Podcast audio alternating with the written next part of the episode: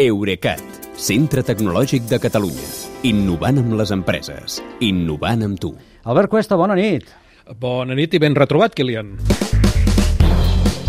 En efecte, ben retrobats perquè comencem temporada, però tu és com si no l'haguessis aturat, eh? perquè ja amenaçaves amb això al final de la temporada passada i aquestes setmanes has continuat, diguem-ne, pendent de l'actualitat tecnològica. Seria això, eh?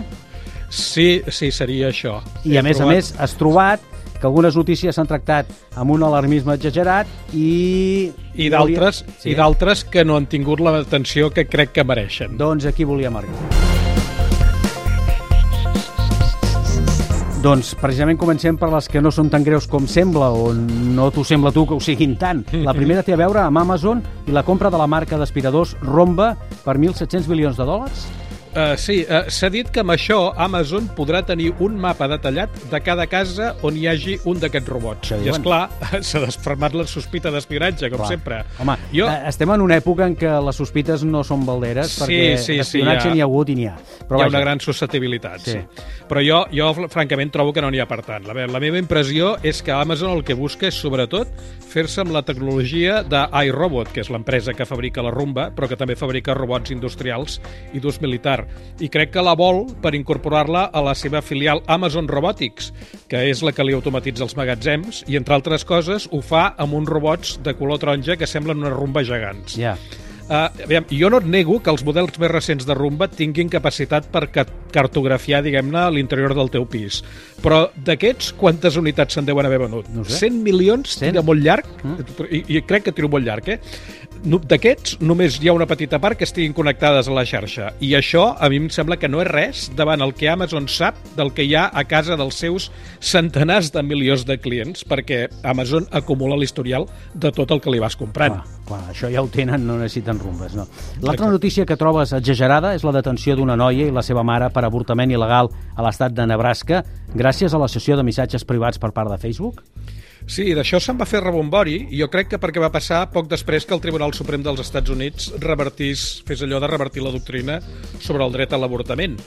Uh, però sense que serveixi de precedent, en aquest cas jo no trobo que Meta hagi fet res de mal fet, uh, o més aviat no ha fet res que no facin cada dia altres empreses digitals i fins i tot les companyies telefòniques. Uh, tots aquests proveïdors de comunicacions estan obligats a proporcionar les dades dels seus abonats a les autoritats si pel mig hi ha una ordre judicial i resulta que en aquest cas es tractava d'investigar un cas criminal amb uns detalls, eh, diguem-ne, escabrosos. En tot cas, ha de servir per recordar als oients que el contingut dels seus missatges suposadament privats de Facebook i també els d'Instagram no està xifrat i, per tant, pot ser interceptat, a diferència dels de WhatsApp i Signal. Anem ara a les dues notícies tecnològiques que han passat a la teva manera de veure més desapercebudes, o potser massa desapercebudes. La primera té a veure amb Meta, també, i aquesta sí que dius que ens hauria d'amoïnar, eh? Jo crec que sí. Mira, la mútua mèdica Novant Health dels Estats Units ha reconegut que li ha proporcionat a Facebook, eh, sense voler, diu, les dades personals i clíniques de 1,3 milions de pacients dels 800 hospitals que gestiona. Eh, se suposa que ha sigut per un error de configuració del codi de rastreig de Facebook que inclou la seva web, la seva i milions d'altres, moltes de les que fem servir cada dia, eh, i ells diuen que ja ho han, ja ho han corregit però coneixent en Zuckerberg vés a saber on són ara aquelles dades i quin mal ús se'n poden fer. Ja. L'última també té a veure amb el rastreig digital dels usuaris, eh? També, també, perquè uns investigadors de ciberseguretat han descobert que TikTok, Instagram i Facebook observen totes les accions que els usuaris feu fins i tot fora de les seves mateixes plataformes i aplicacions. Sense que ho sapigueu, sense haver-vos avisat, enregistren a quines pàgines web aneu, quins botons toqueu, com feu anar els dits per la pantalla i moltes altres interaccions. I això ho fan incrustant, sense avisar, un codi JavaScript de rastreig quan obriu un enllaç web extern amb el navegador que porten incorporades les seves aplicacions.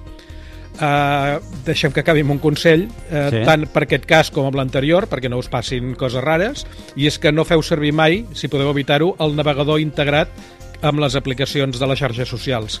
Feu-ne servir un altre més privat que bloqui automàticament aquesta mena de codis de rastreig. Amb això jo crec que evitareu molts disgustos. Doncs comencem temporada recomanant ciberprudència, eh? Seria això, sí. Molt bé. Doncs cibergràcies i fins demà. Bona nit, Kilian. Eurecat, centre tecnològic de Catalunya. Innovant amb les empreses. Innovant amb tu.